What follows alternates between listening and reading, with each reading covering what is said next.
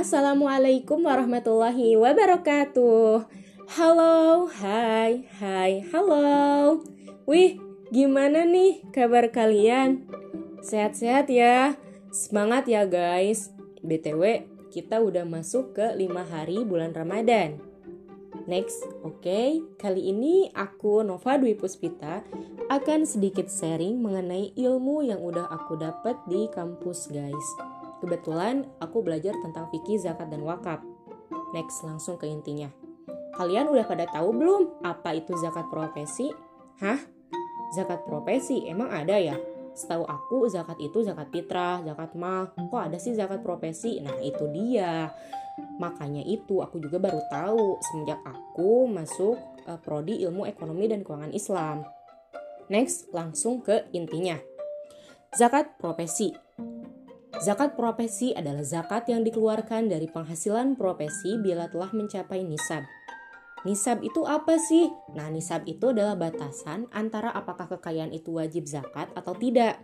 Jika harta yang dimiliki seseorang itu telah mencapai nisab, maka kekayaan tersebut wajib zakat.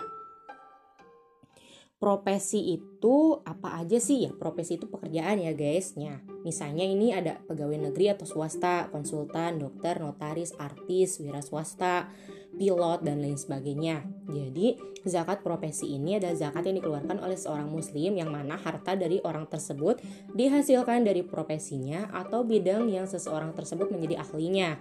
Setiap profesi yang kita kerjakan dan itu menghasilkan ada zakatnya 2,5% dari gaji itu sendiri, maka kita wajib mengeluarkannya karena itu adalah hak orang lain. Wah, masa sih kayak gitu? Mana dalilnya? Nah, ini dia dalilnya. Dengerin ya guys, terdapat dalam Quran surah At-Taubah ayat 103. Allah Subhanahu wa taala berfirman, A'udzu billahi minasyaitonir rajim. Khud min amwalihim shadaqatan tutahhiruhum wa tuzakkihim biha wa sholli alaihim inna salataka sakanun lahum wallahu samiun alim artinya Ambillah zakat dari harta mereka, guna membersihkan dan menyucikan mereka, dan berdoalah untuk mereka. Sesungguhnya doamu itu menumbuhkan ketentraman jiwa bagi mereka. Allah Maha Mendengar, Maha Mengetahui. Nah, menurut Yusuf Korodhawi, perhitungan zakat profesi ini dibedakan menjadi dua cara. Yang pertama itu secara langsung, Zakat dihitung dari 2,5% dari penghasilan kotor secara langsung setelah penghasilannya diterima.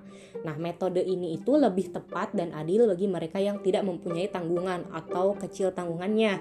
Contohnya seperti seseorang yang masih lajang yang belum nikah ya guys. Nah, dengan penghasilan misalnya 3 juta tiap bulannya, maka wajib membayarkan zakat sebesar 2,5% dikalikan 3 juta yang tadi jadi sama dengan 75.000 per bulan atau bisa kita menghitungnya per tahun. Jadi 900 ribu per tahunnya.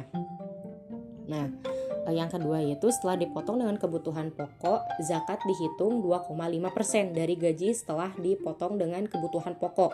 Nah, metode yang kedua ini itu lebih adil diterapkan oleh mereka yang mempunyai tanggungan. Contohnya itu seperti seseorang yang sudah berkeluarga, punya anak dengan penghasilan misalnya 3 eh, juta. Dengan pengeluaran untuk kebutuhan pokoknya itu eh, satu juta 500 tiap bulannya. Maka wajib membayarkan zakatnya itu sebesar 2,5% dikalikan 3 juta dikurangi kebutuhan pokok yang tadi itu 1 juta 500 jadi sama dengan 37.500 per bulan atau 450.000 per tahun. Dengan catatan apabila sudah mencapai nisab dalam contoh ini maka 1 juta 500 ini seolah-olah sudah mencapai nisab. Nah profesi apa saja sih yang berpotensi untuk membayarkan zakat profesi yang ini? Nah, yang tadi aku dijelasin itu guys, misalnya kayak ada uh, presiden, pilot, tentara, dokter, youtuber, chef, atlet, pengusaha, youtuber, selebgram, dan lain sebagainya. Pokoknya itu ya guys, profesi-profesi itu. Oke, sekian dari saya. Mohon maaf apabila ada kesalahan ya namanya juga sharing ya sharing ilmu guys sampaikanlah walau hanya satu ayat katanya ya guys menurut uh, Nabi Muhammad SAW. Terima kasih. Wassalamualaikum warahmatullahi wabarakatuh.